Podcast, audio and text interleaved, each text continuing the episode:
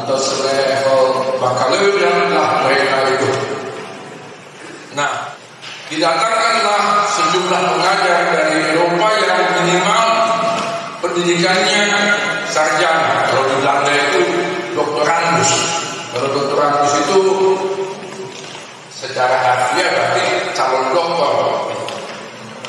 Di Indonesia ini dulu doktorandus macam-macam ya, doktorandus ekonomi, doktorandus apalagi banyak bidang tapi kalau bidang hukum dia bukan dokter melainkan in the Rechten nah ternyata walaupun syarat untuk menjadi dosen di sekolah yang didirikan di Batavia kemudian atau di Bogor kemudian di Batavia ini hampir tidak ada yang dokterandus hampir semua dokter. Nah seorang di antara mereka adalah dokter Terus Muller Kruger dan sekaligus dia menjadi direktur pertama sementara dari sekolah ini. Lalu diangkat kembali kemudian dia pada sekian tahun kemudian. Hingga tahun 1951 semua dosen sekolah ini masih dari barat. Dosen pribumi pertama adalah Peter Domingus Lagi Haballo, satu. Ini yang dituliskan di sekolah ini tanggal beliau akan di ini coba lihat soalnya nah, dulu beliau itu sejak tahun 1951 tinggal di rumah yang paling depan sampai tahun 1997 jadi beliau itu diangkat jadi dosen di sini belum selesai S2 baru setelah diangkat jadi dosen di sini. Beberapa tahun kemudian berangkatlah beliau ke Union Theological Seminary di New York. Lalu setelah itu menjadi dosen di sini. Nah, sekian tahun kemudian baru dia dokter, tapi dialah dosen pribumi pertama. Pada masa mempersiapkan tenaga pengajar pribumi yang bahkan berlangsung hingga 1970-an, mayoritas dosen STT yang sejak 1954 sudah berubah nama menjadi sekolah tinggi teologi pakai H dan A. Masih tetap juga sebagian besar orang barat termasuk dari Inggris dan Amerika Serikat. Jadi waktu saya masuk ke sekolah ini Januari 1971 hampir semua dosennya masih orang barat, cuma yang dua ini sudah tidak ada lagi. Sebelum mereka yang kedua ini maupun kawan-kawannya yang lain itu mengajar di sekolah ini, sebagian besar mereka sudah berpengalaman mengajar di sekolah tinggi lain. Misalnya Dr. Ibu Hendrikus Clark sebelumnya mengajar di Kupang dan di Makassar. Nah, tulisan pendek ini sekarang di tangan saudara-saudara merupakan cuplikan atau memuat cuplikan karya dan kiprah mereka berdua baik sebelum mengajar di sekolah ini maupun sesudahnya dan mereka berdua bersama sejumlah tokoh lain yang sudah almarhum kita ikut tampilkan di dalam seri mengenang leluhur kita. Jadi dulu waktu ditetapkan sekian bulan yang lalu judul kuliah atau seri kuliah ini judulnya mengenang leluhur kita. Entah kenapa kemudian panitia mengubahnya menjadi menelusuri pemikiran tokoh-tokoh. Tidak pakai leluhur, leluhur dan Maka dua di antara sekian leluhur itu kita tampilkan sekarang baik sebagai leluhur rohani maupun leluhur akademis.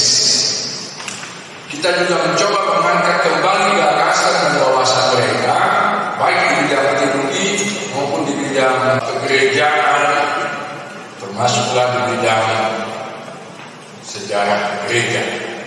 Nah, kita mulai dengan Profesor Dr. Theodor Muller Kruger yang lahir tahun 1902 lalu meninggal Maret 1980 berarti usianya 27 lebih lah ya. Nah, Dr. Muller Kruger kadang-kadang namanya hanya Muller gitu ya. Menulis disertasi tentang Nias sebelum beliau menjadi dosen atau rektor di sekolah ini. Disertasi beliau judulnya di Grosseroyer of Nias, pertobatan besar di Nias. Ada saudara-saudara dari Nias? Mana? Itu? Gula. Gule. Oh, Bapak Gule siapa lagi? Kalau Banua. Dalam Banua. Masa cuma dua? Oke lah. Anda mewakili orang Nias ya. Nah, apa yang dimaksud dengan pertobatan besar dan di Grosseroyer ini? Jadi, penginjilan sudah dilakukan di Nias. Dimulai oleh Denny dan kawan-kawan 1865 tapi sampai 40 tahun sangat sedikit orang Nias yang menerima Injil dan menjadi Kristen. Sampailah satu ketika di tahun 1905 ada seorang pendeta dia khotbahlah ini orang Nias ini supaya bertobat dan menerima Tuhan Yesus. Lalu ada satu bapak namanya itu? Nangis dia setelah mendengar khotbah dan ajakan dari Pak Pendeta ini dan nangisnya nggak cukup satu menit, dua menit, satu jam, dua jam, hampir satu hari. Lalu teman-temannya sekampung melihat dia menangis, kenapa kau menangis? Dia jawab, saya ini menyesal atas dosa saya dan dan Lalu yang mendengar dia itu menangis. Akhirnya semua penduduk Nias menangis. Tidak hanya pada tahun 1965 tapi berkelanjutan sampai beberapa tahun kemudian. Dan itu dampaknya menimbulkan pertumbuhan gereja yang besar. Nah ini yang direkam dan dikaji oleh Muller Kruger karena sebelum dan sesudah dia menulis disertasi ini dia juga bekerja di Nias. Dalam tulisannya ini beliau memberi penilaian yang kritis bahkan kurang positif, cenderung negatif atas rangkaian gerakan ini.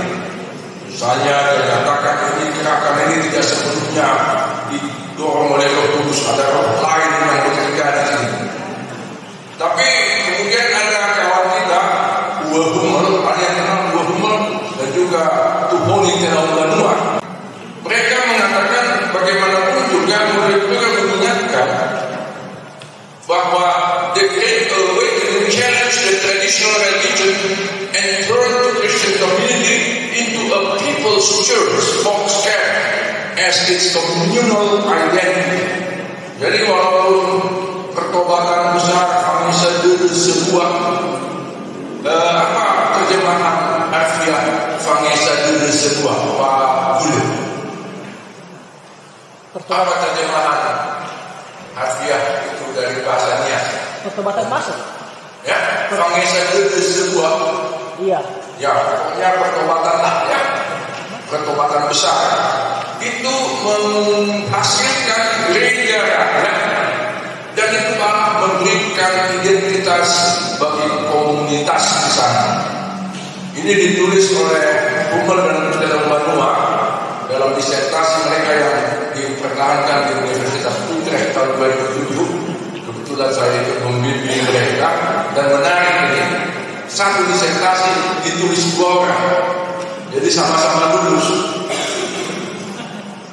Jadi di disertasi kemudian Kruger ini secara implisit terlihat bahwa beliau Kruger mendorong para pelajar teologi termasuklah saudara dan saya ya untuk mendalami kekayaan rohani yang ada di dalam agama-agama suku dan itulah yang kemudian oleh oleh Kruger disebut berteologi in loco istilah beliau teologia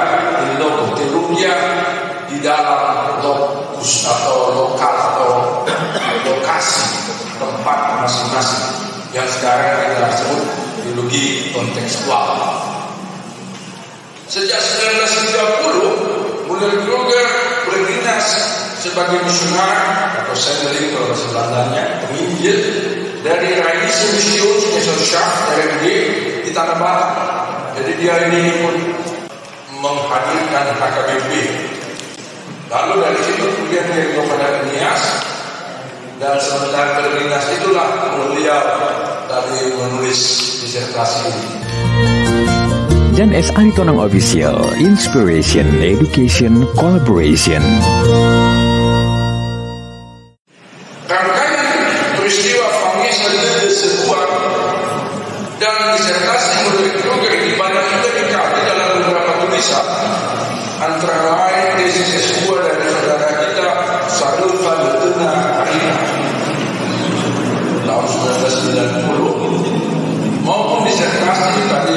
sebut dua umur dan kemudian belum menua dengan judul Cross and Adu di Universitas Utrecht. Nah ini saudara Sarulfa Letuna Arina ini dulu dia pendeta PKB lalu di dunia selatan dibentuklah sebuah gereja baru. BKPN Banua Periso Protestanias lalu yang mendirikan itu bukan pendeta yang mendirikan itu marganya waktu Amasiwa nama kecilnya saya kurang tahu. Di Bawul Matagur uh, yang selatan ya. Ada antara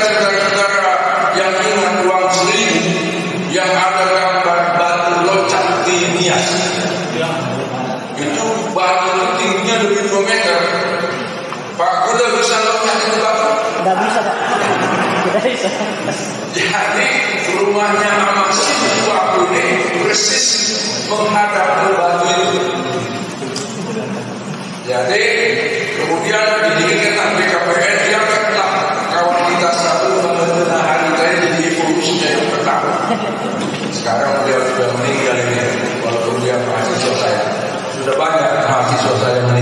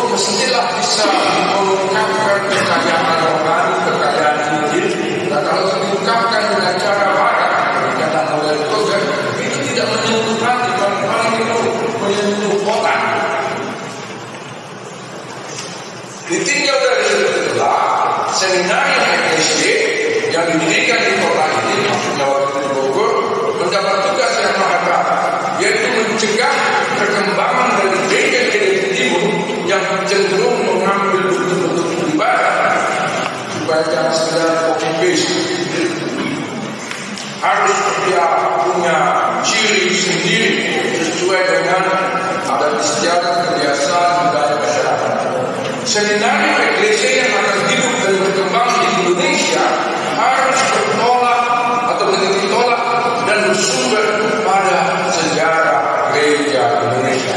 Makanya pentinglah studi sejarah gereja Indonesia. Dulu kita tanya Rahman, apa nilai sejarah gereja Indonesia? Ya, saya masih aminus, bagus kan? Jangan orang dapat nilai aminus dari saya. Kalau nilai A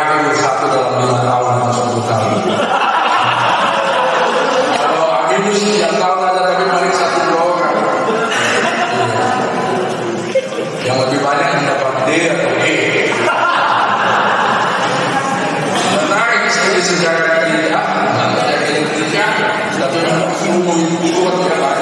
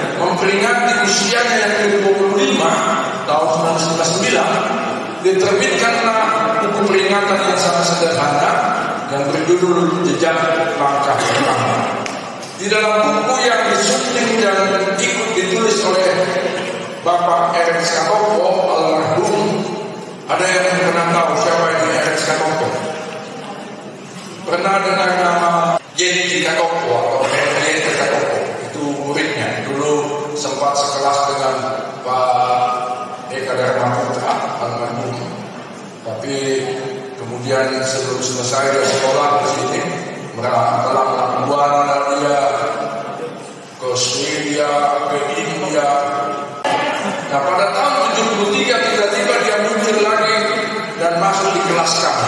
Jadi saya sempat sekelas dengan putrinya Pak Erik Katopo. Pak Katopo ini bukan pendeta, tapi dia itu dewa, ketua dewan kurator. Itu ada sedang ketua dewan kurator sekolah ini.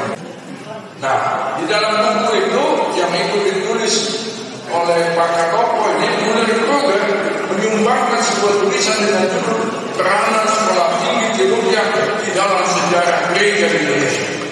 Di situ beliau terlihat berkata, ini pakai ejaan lama itu tulisannya dan juga tata bahasanya dan ini sudah saya sesuaikan dengan ejaan baru ya. Di situ dikatakan ilmu teologi yang tidak bisa kita samaratakan dengan ilmu-ilmu lain. Jadi jelas teologi itu ilmu bukan ilmu Saudara-saudara bisa bedakan ilmu dengan ilmu. Kalau ilmu itu sesuatu yang bisa dibuktikan secara empiris, diuji. Kalau ilmu itu dukun yang punya nggak bisa diuji secara empiris. Nah, jadi teologi itu ilmu tapi tidak bisa disamaratakan dengan ilmu lain. Coraknya bukan sama saja di segala tempat dan saat seperti ilmu pasti dan malam. Jadi kalau itu pastikan tujuh kali tujuh di Cina kan, di Amerika tetaplah dia akan sembilan kan. Kalau teologi intinya memang mempercayai Tuhan, mendalami apa yang Tuhan firmankan dan dilakukan atau kehendaki. Tapi ekspresinya itu beda-beda. Sebabnya ialah kedudukan ilmu teologi itu ada di dalam gereja. Teologi yang murni tidak bisa lepas dari tempatnya dan saatnya masing-masing. Teologi yang menyeleweng dari kemurniannya bila mana hal itu bukan teologi yang Tadi saya sudah jelaskan ya apa itu teologi yang teologi di lokasi, di lokus, di tempat masing-masing.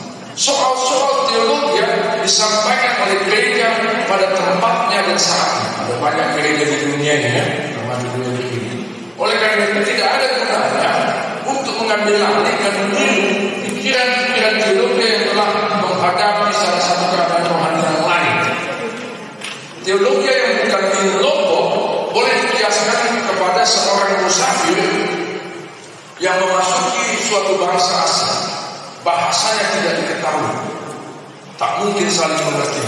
Dia seperti seorang yang risu tuli, begitu kata Mulia Usaha untuk mendapat suatu teologi yang loko merupakan tugas yang berat. Pada suatu pihak harus diakui bahwa mendapat teologi itu belum dipahami oleh mereka yang bersangkutan. Bahkan pendapat ini bertentangan dengan idaman banyak orang Kristen Indonesia. Jadi ketika kita belajar teologi ya, atau teologi sering kali yang kita pelajari itu tidak sesuai dengan maunya kita. Tidak pejabat kita. Tapi itu tidak apa-apa. Nah mereka berpegang pada suatu teologi yang tampak pada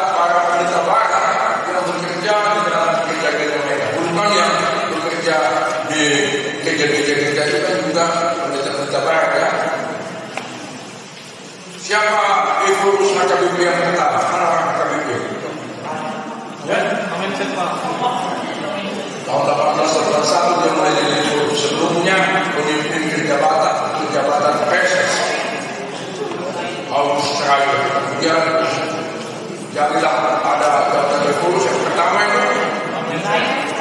Ingwer Ludwig Memesan dari tahun 1881 sampai 1918 meninggal dia dia meninggal sebagai ibu 37 tahun dia ibu lalu Nomensen diganti oleh siapa?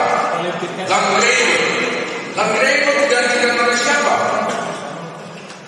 Verweber eh sebentar. Nomensen digantikan Johannes yang tadi saya sebut itu. Tahun 20 sampai 30 bulan lalu Verweber uh, Langreve Verweber semua itu orang Jerman baru nanti sesudah perang dunia kedua orang Batak tidak mau lagi dipimpin orang Jerman mereka mengatakan sinode godang istimewa tanggal 11 12 Juli tahun 1940 lalu memilih Evorus orang Batak pertama siapa itu? Asianus. Sirait nah orang-orang Jerman marah mereka katakan ini sinode para perampok Roy bersinode tapi mulai Kruger bilang ya itu tidak salah sebab gereja-gereja di Indonesia tidak mesti terus-terus dipimpin oleh orang-orang dari barat sebab soal-soal Indonesia belakangan orang dari gereja-gereja di barat gereja di Indonesia tidak bebas dari tugasnya untuk mencari jalannya sendiri di dalam teologianya dalam usaha itu STT sekolah gereja hendak menghindarkan salah satu bahaya yang ditunjuk oleh Dr. Kramer dari Henry Kramer yang menjadi juga orang yang sangat banyak mendalami di Indonesia dan sangat keras mengkritik para penginjil barat yang terus mau berkuasa di sini. Jadi dia ah, menuju satu bahaya Kramer dalam satu ucapannya. Dia Kramer berkata sering ikuti rupiah di dalam gereja-gereja Asia merupakan suatu tanaman yang dipelihara dengan seksama seperti bonsai juga. Akan tetapi tanaman ini sebenarnya tidak mau berkembang dan berbuah. Oleh karena tidak ditanam ke dalam tanah yang asli. Teologi yang dikehendaki oleh Jakarta ialah teologi yang tidak asing bagi Indonesia dan yang boleh berbuah bagi gereja-gereja Indonesia. Nah inilah teologi Indoko yang dicetuskan oleh Kruger yang kemudian kita kembangkan sampai hari ini dengan nama teologi kontekstual. Nah sekembalinya ke Jerman tahun 1960, Dr. William Kruger menjadi dosen dan kemudian jadi profesor Mahagu besar di Bonn University sekaligus menjadi sekretaris studi dari Deutsche Evangelische Missionsrat di Hamburg. Pada tahun 1998 diterbitkanlah karya monumentalnya. Sebelumnya dia menulis sejarah gereja di Indonesia. Waktu kami jadi mahasiswa tahun 71 di sekolah ini buku pegangan kami karangan mulai Kruger sejarah gereja di Indonesia. Nah, nanti dia tulis lagi buku yang khusus tentang protestantisme Der Protestantismus di Indonesia. Ini ditulis oleh beliau tahun atau diterbitkan tahun 1968 Geschichte Universal sejarah dan kelembagaannya yang sekaligus membina gelar kehormatan Dr. Honoris Causa. Jadi Dr. Honoris Causa itu kalau dulu di Eropa itu malah dianggap lebih tinggi dari dokter berdasar, malah tinggi dari habilitasi. Tapi beliau diberi gelar Dr. Causa karena bukunya yang hebat. Lalu tahun 1968 dia kembali lagi ke Nias mengajar hingga pensiun tahun 1971 lalu meninggallah beliau di tahun Maret 1980 nah entah bagaimana dia ternyata mewariskan bukan hanya gagasan, pemikiran dan karya tulis melainkan juga sejumlah dana. Inilah yang disebut Mulder Award Dana ini diserahkan untuk dikelola United Evangelical Mission di Wuppertal yang dulu namanya Veranite Evangelische Mission. Sebelumnya lagi Veranite Mission. Nah lalu rupanya uang ini agak besar. Dan ini saya pikir perlu kita perhatikan ya nanti kalau kalian punya uang jangan hanya dinikmati sendiri. Diwariskan kepada penerus. Jadi uang ini entah saya nggak tahu sampai berapa besar jumlahnya. Walaupun pernah saya sempat sedikit-sedikit mengurusi multicultural award ini. Lalu disalurkan sebagai hadiah atau perusahaan multicultural award bagi tulisan-tulisan yang bernafaskan dan bersemangatkan teologi kontekstual yang lebih kurang sama dengan teologi Indoko tadi lalu usaha atau award ini sudah disalurkan sejak 1990 waktu itu saya masih menangani seleksi karya-karya mana yang mendapat hadiah, layak mendapat hadiah. Waktu itu yang mendapat hadiah lain tulisan dari Eri Lema, sekarang ketua Peking Ketua Umum dengan judul kontekstualisasi itu hanya sebuah artikel ada tulisan yang lebih panjang tesis dari uh, Carolina Agustina Kapahang Kaunang yang kemudian diterbitkan di BPK Mulia dengan rekomendasi dari mulai Kruger Award ini dengan judul perempuan pemahaman teologis tentang perempuan dalam konteks budaya Minahasa lumayan itu. Jumlah hadiah itu. Belakangan ada Vince Parliamensi Hongkong dosen setia KDP saya sampai sekarang tidak terbit juga itu tulisannya dalam bahasa Indonesia. Lalu ketua kita yang baru Ibu Septene Eukaristia Lakawa lalu juga wakil ketua satu kita Pak Agustinus Setiawidi jadi saya masuk kepada kalian. Tulis dalam karya kontekstual ini beliau beda potensinya. Nanti dapat hadiah 2.500 euro. Tapi jangan dimakan habis untuk diri sendiri. Jadikanlah itu untuk biaya yang menerbitkan. Jadi ke depan dapat kita bayangkan dan harapkan bahwa usaha itu masih tersedia dan terus mendorong teolog muda untuk menghasilkan karya berbobot. Kalau Pak Tarigan kayaknya sudah agak sempat lagi ya tapi teman sekelas anda yang muda-muda mudah-mudahan sekarang kita masuk kepada Om Sebada Dr. Ido Hendrikus Enka ini dia Dr. Enka dosen tetap di STJ Jakarta tahun 1946 sampai 1991 lama ya karena beliau sebelumnya sudah di Kupang, di Makassar dan beliau mengambil macam-macam mata termasuklah sejarah gereja. Sebelumnya beliau menjadi pendeta investasi kayak Tujuan India sekarang di GBI ya. Di Ambon sejak 37 lalu di Kupang lalu dia sempat diinternir ditawan oleh pemerintah pendudukan Jepang. Empat tahun dia masuk penjara dan setelah itu menjadi rektor sekolah teologi di Kupang. Lalu kemudian di Makassar. Karena sekolah teologi di Kupang dipindahkan ke Makassar.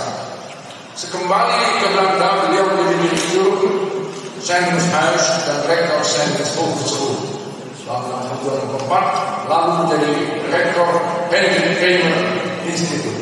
Jadi nama Henry Kramer diabadikan dalam sebuah institut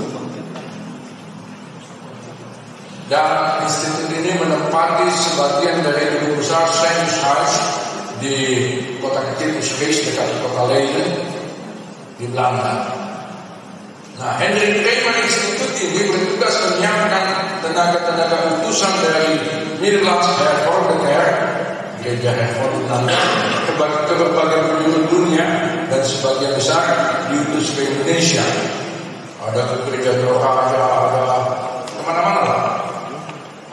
Sebelum dan setelah pensiun tahun 1996, beliau juga aktif menangani berbagai bidang pelayanan di gereja, di gereja Reform itu hingga akhir hayatnya.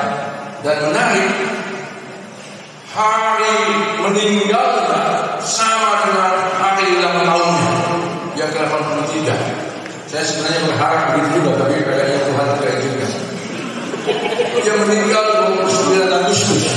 Tahun 1994 lalu dikebumikan di halaman Haluneker di Uzbekistan tanggal 3 September. Kayak orang Batak juga ya lima hari baru dikumpulkan yang menarik ini agak pribadi sifatnya catatan ini. Lima hari sebelum beliau meninggal tanggal 24 Agustus 1994 saya didampingi istri berdasarkan penugasan panitia desentralisasi ke-60 ya tahun 84 mewawancarai Pak lagi dan ibu istrinya di rumah mereka di Swiss lalu meminta kesan dan pesan mereka tentang dan untuk sekolah ini. Dilakukanlah wawancara saya rekam nanti pas pada waktu dia natalis rekaman itu diperdengarkan tapi waktu itu kan dia meninggal Nah, di sela-sela wawancara itu Ibu Engla sambil bermain piano didampingi Dr. Engla menyanyikan lagu dalam bahasa Indonesia yang telah menang. Nah, nanti kita nyanyikan di akhir kuliah umum hari ini. Jadi rupanya dia menunggu saya mewawancarainya. Sebab lima hari kemudian dia meninggal. Agaknya wawancara ini menjadi salah satu momen terakhir sebelum beliau disambut Tuhan di Firdaus. Dan lagu yang telah menang disambut di Firdaus juga ya. Beliau menghembuskan nafas terakhir ketika sedang memberi ceramah atau di salah satu acara di lingkungan NHK, International Foundation. Jadi waktu memberi kuliah, beliau jatuh meninggal. Saya Nanti waktu saya meninggal, meninggal saya meninggal waktu memberi kuliah. Gak usah takut kalian ya. Saya ini kan sudah terjadi kontrak. Nanti kalau saya meninggal disemayamkan yang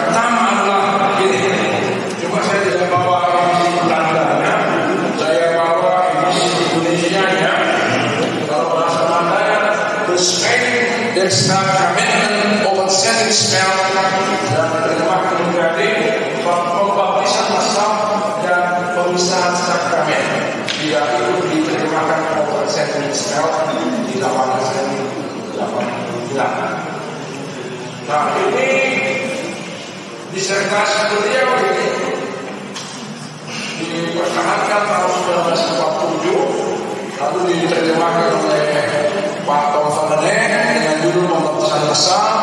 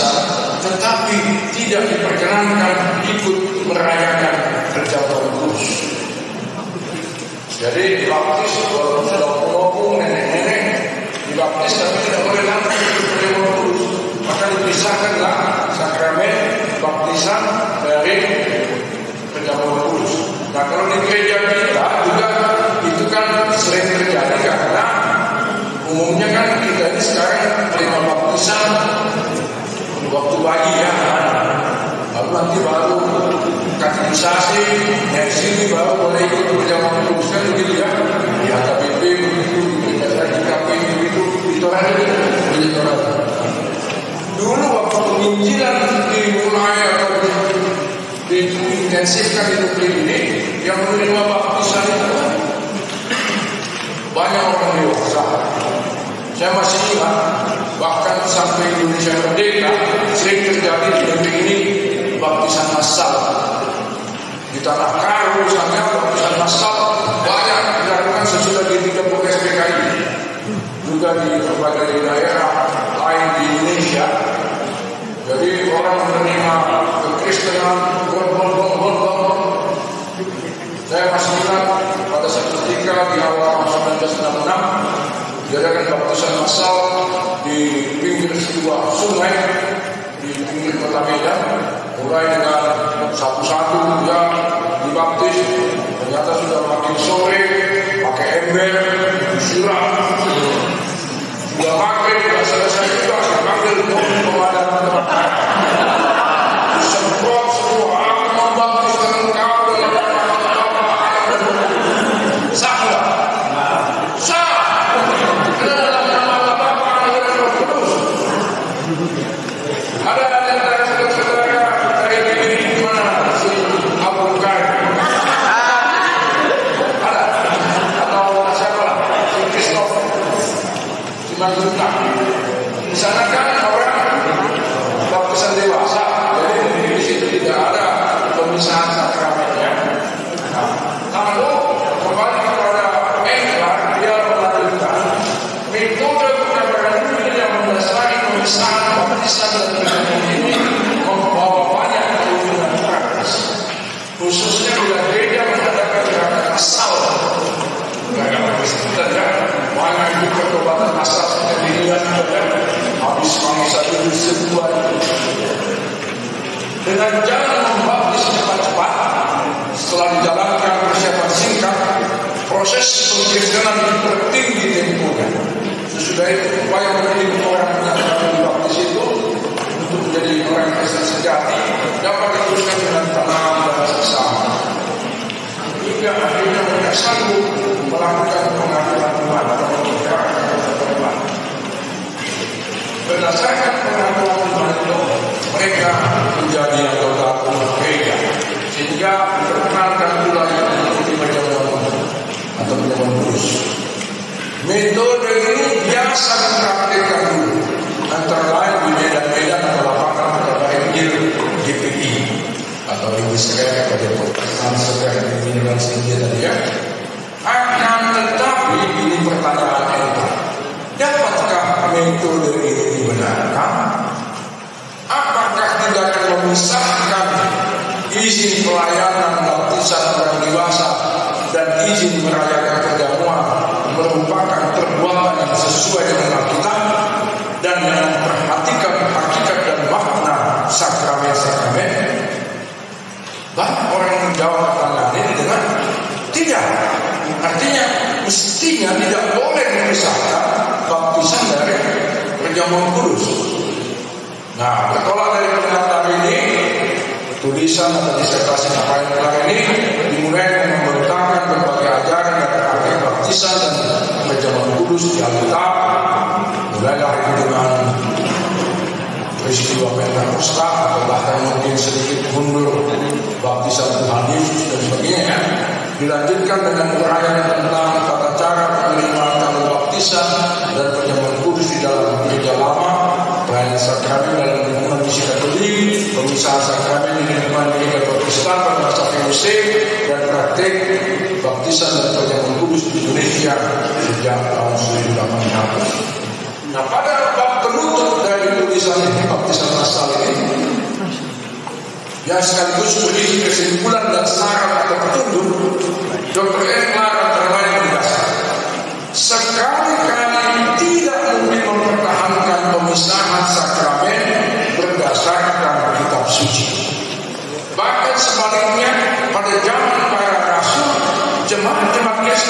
tidak mengenal tidak mengenal ya perjanjian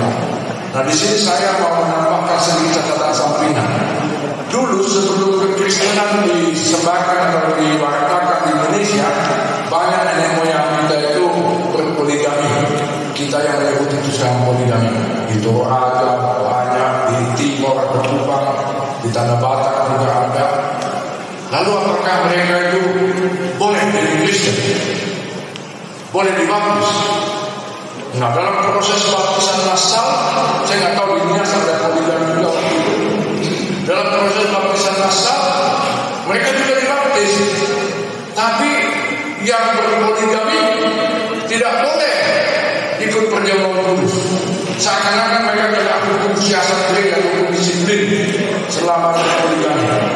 Nanti ditunggu istrinya tinggal satu, baru boleh ikut perjamuan. Nah, kapan istrinya tinggal satu? Nanti sebelum istri tinggal satu dia udah mati duluan. Nah ini risiko dari pemisahan sakramen ini. Alhasil belakangan ada juga gereja kalau dia berpoligami sebelum dia Kristen sudah yang penting dia baik-baik ya. Nah saran dokter Englar ini mengingatkan kita pada proses asuhan rohani, pengajaran, pembinaan yang sejalan dengan prinsip pendidikan Kristiani, yaitu pendidikan yang berlangsung seumur hidup. Karena ini prinsip atau semboyan pendidikan Kristen ya, from womb tomb, dari rahim ibu sampai ke lubang kubur. Praktik baptisan massal yang berlangsung berabad-abad di banyak negeri, bahkan sejak berdirinya gereja pada hari Pentakosta, pada gereja para kedua, melibatkan orang dewasa dan anak-anak. Jangan kita pikir waktu baptisan di Yerusalem pada hari Pentakosta itu hanya orang dewasa, anak-anak juga. Waktu nanti ada baptisan di tengah keluarga Cornelius, di Sabarat 10 dia, anak-anaknya juga ikut dibaptis. Makanya kalau ada orang mengatakan anak-anak tidak boleh dibaptis, eh tunggu dulu. Di Alkitab dicatat anak-anak pun dibaptis.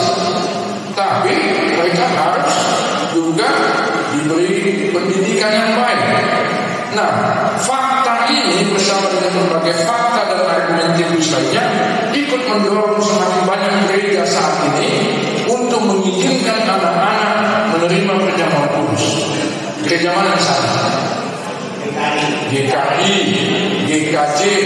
Nah ini tidak dibahas lebih lanjut dalam makalah ini. Baiklah nanti sudah saudara yang masih kuliah membahasnya bersama para dosen sistem kudus. Dan diskusikan lebih lanjut.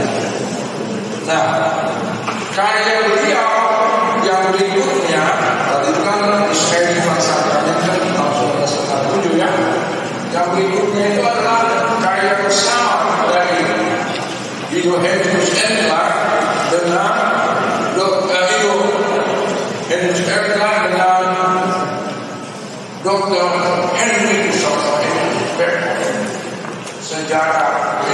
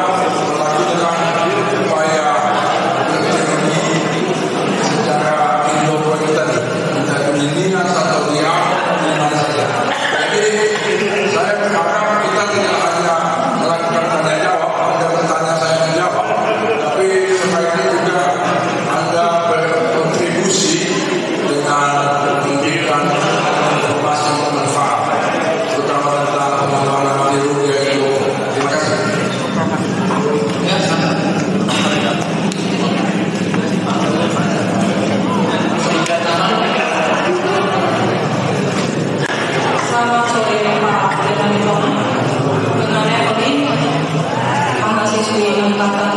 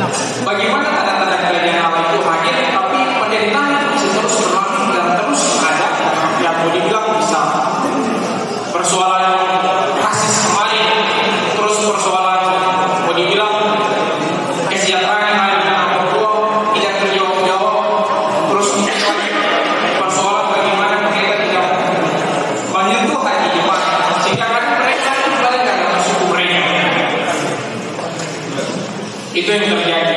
Dan mungkin lagi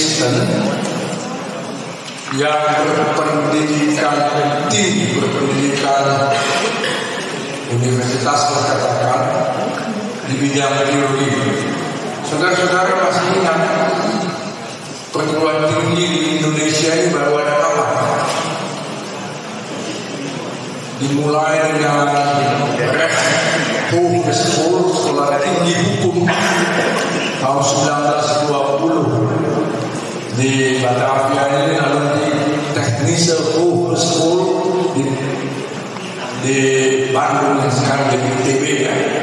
Itu tahun 1920 berapa ya 21 atau 22 lalu nanti ada Kresidunnya Hukum Sekolah Sekolah Tinggi kedokteran atau kesehatan dan seterusnya. Jadi waktu sekolah ini didirikan memang belum ada orang Kristen termasuk pendeta-pendeta pribumi yang sudah berpendidikan tinggi yang memenuhi syarat untuk menjadi pengajar di sekolah ini terutama dosen tetap makanya seiring dengan kedatangan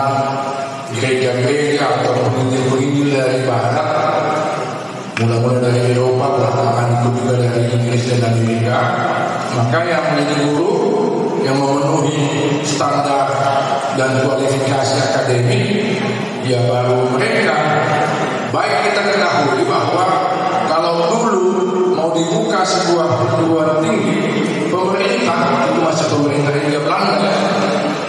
Harus memeriksa dulu ini sudah memenuhi syarat. Jadi tidak sembarangan. Nah sekolah ini sejak awal di kontrol juga atau diawasi oleh pemerintah maka waktu sekolah ini dibuka tanggal 9 Agustus tahun 1934 waktu di Bogor. Kenapa di Bogor? karena istana gubernur jenderal juga di Bogor yang sekarang jadi istana Jokowi itu kan. Jadi kan sekolah ini dulu dekat dengan istana gubernur jenderal yang di Bogor itu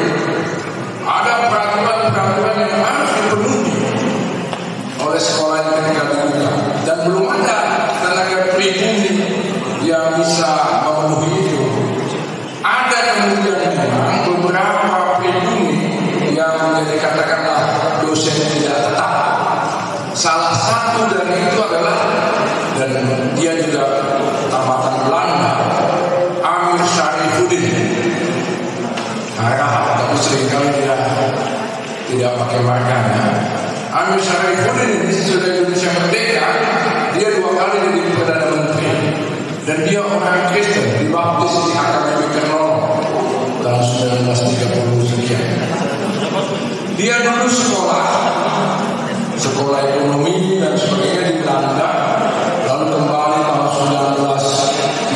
1937 atau 38 jadi politikus. Sebelumnya dia sudah aktif di bidang kepemudaan sebelum studi di Belanda. Dan dia ikut mengikrarkan sumpah pemuda tanggal 28 Oktober 1928 nah di Belanda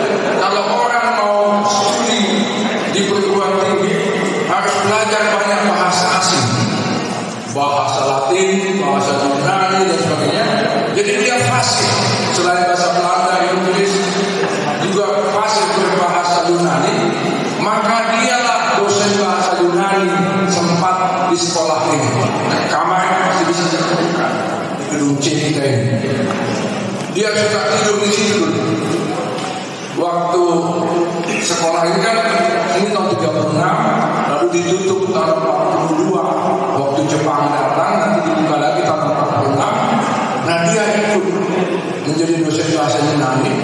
Dan anda tahu di kantongnya kalau saya kan sama seperti kalian sekarang kantongnya berisi HP ya. Kalau beliau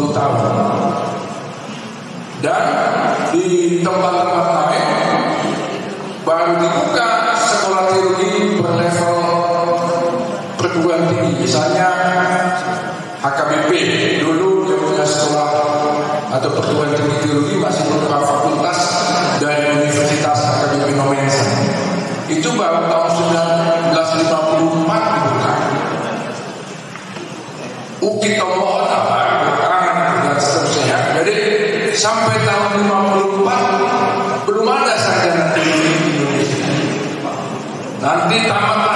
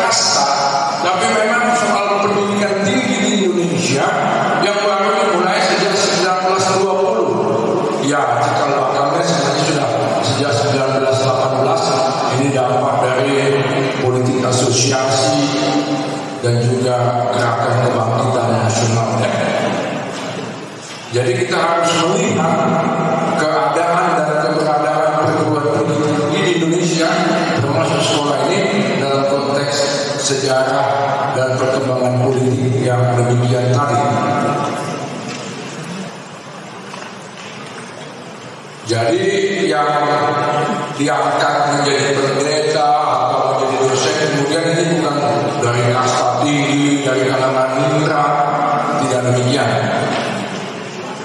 Tapi ya siapa yang punya kesempatan untuk studi lebih lanjut. Sebabkan dari dulu di sekolah ini yang bisa menjadi dosen itu minimal kan dua S2.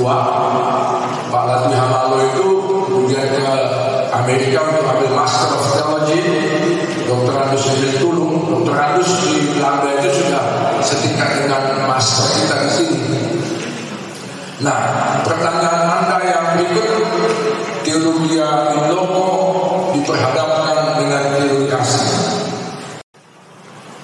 Sejak mulai Kruger, sekolah ini sudah terus berupaya untuk mengembangkan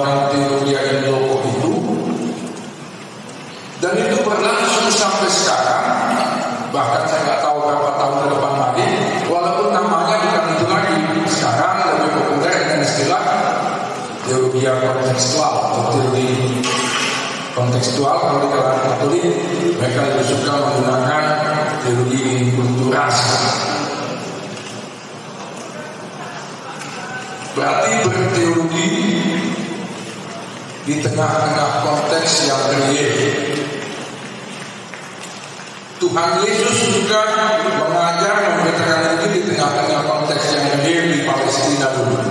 Para nabi dan sebagainya juga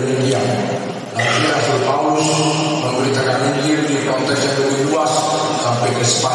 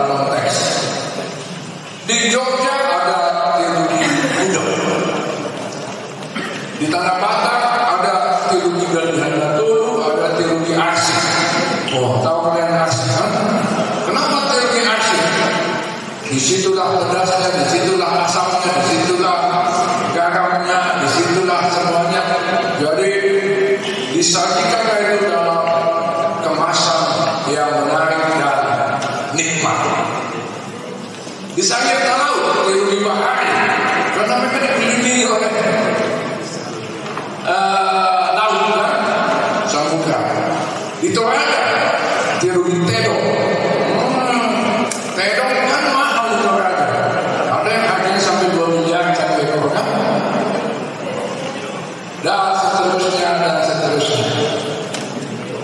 Jadi inti pesannya tetap, tetapi pengungkapannya dan banyak metode teologi nanti kalau saudara-saudara semester satu dan seterusnya mempelajari buku uh, Evans itu judulnya metode teologi kontekstual macam-macam metode paling kurang ada enam metode tidak satu macam saja oke lah. Jadi pokoknya sampai sekarang itu masih terus diupayakan. Ya kadang-kadang ada juga kritik terhadap metode kontekstual Pak Iwas Aditya saja dan misalnya kan. Sekarang kita tidak lagi hanya terikat pada pengembangan teori kontekstual. Melainkan teori multitekstual. Sebab konteks itu juga kalian pelajari dari lanjut ya nah sekarang saudara Reza dari DPID Tadi ketika saya menjelaskan isi disertasi atau bukunya Pak Hendra itu,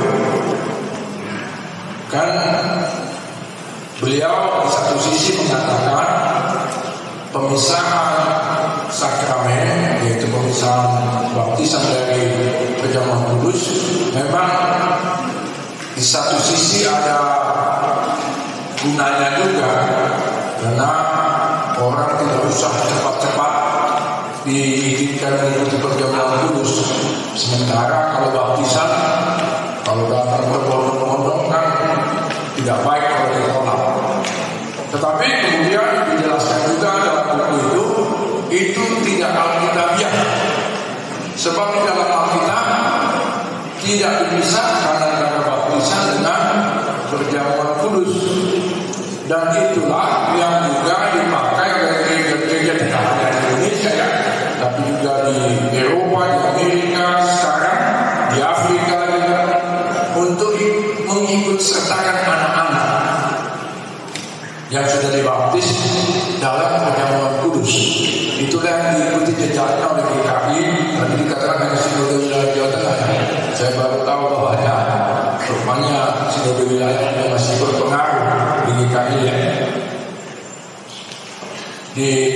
sinode wilayah DKI Jawa Tengah misalnya DKI Pembelinda, DKI Bayora, DKI Kuitang itu dilakukan. Bagaimana dengan GPIB? Nah ini kan GPIB ini gereja yang punya ciri tersendiri dia kan. Mau dibilang Calvinis juga sepenuhnya Calvinis. Dia kan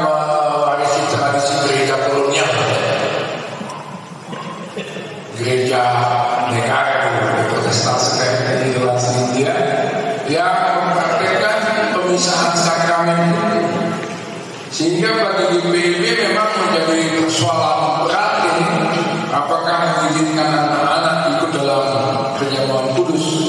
Sebab warisan teologi yang mereka dapat dari leluhur mereka tidak mengizinkan itu. Nah apakah ada terobosan di GPIB saya serahkanlah kepada kawan-kawan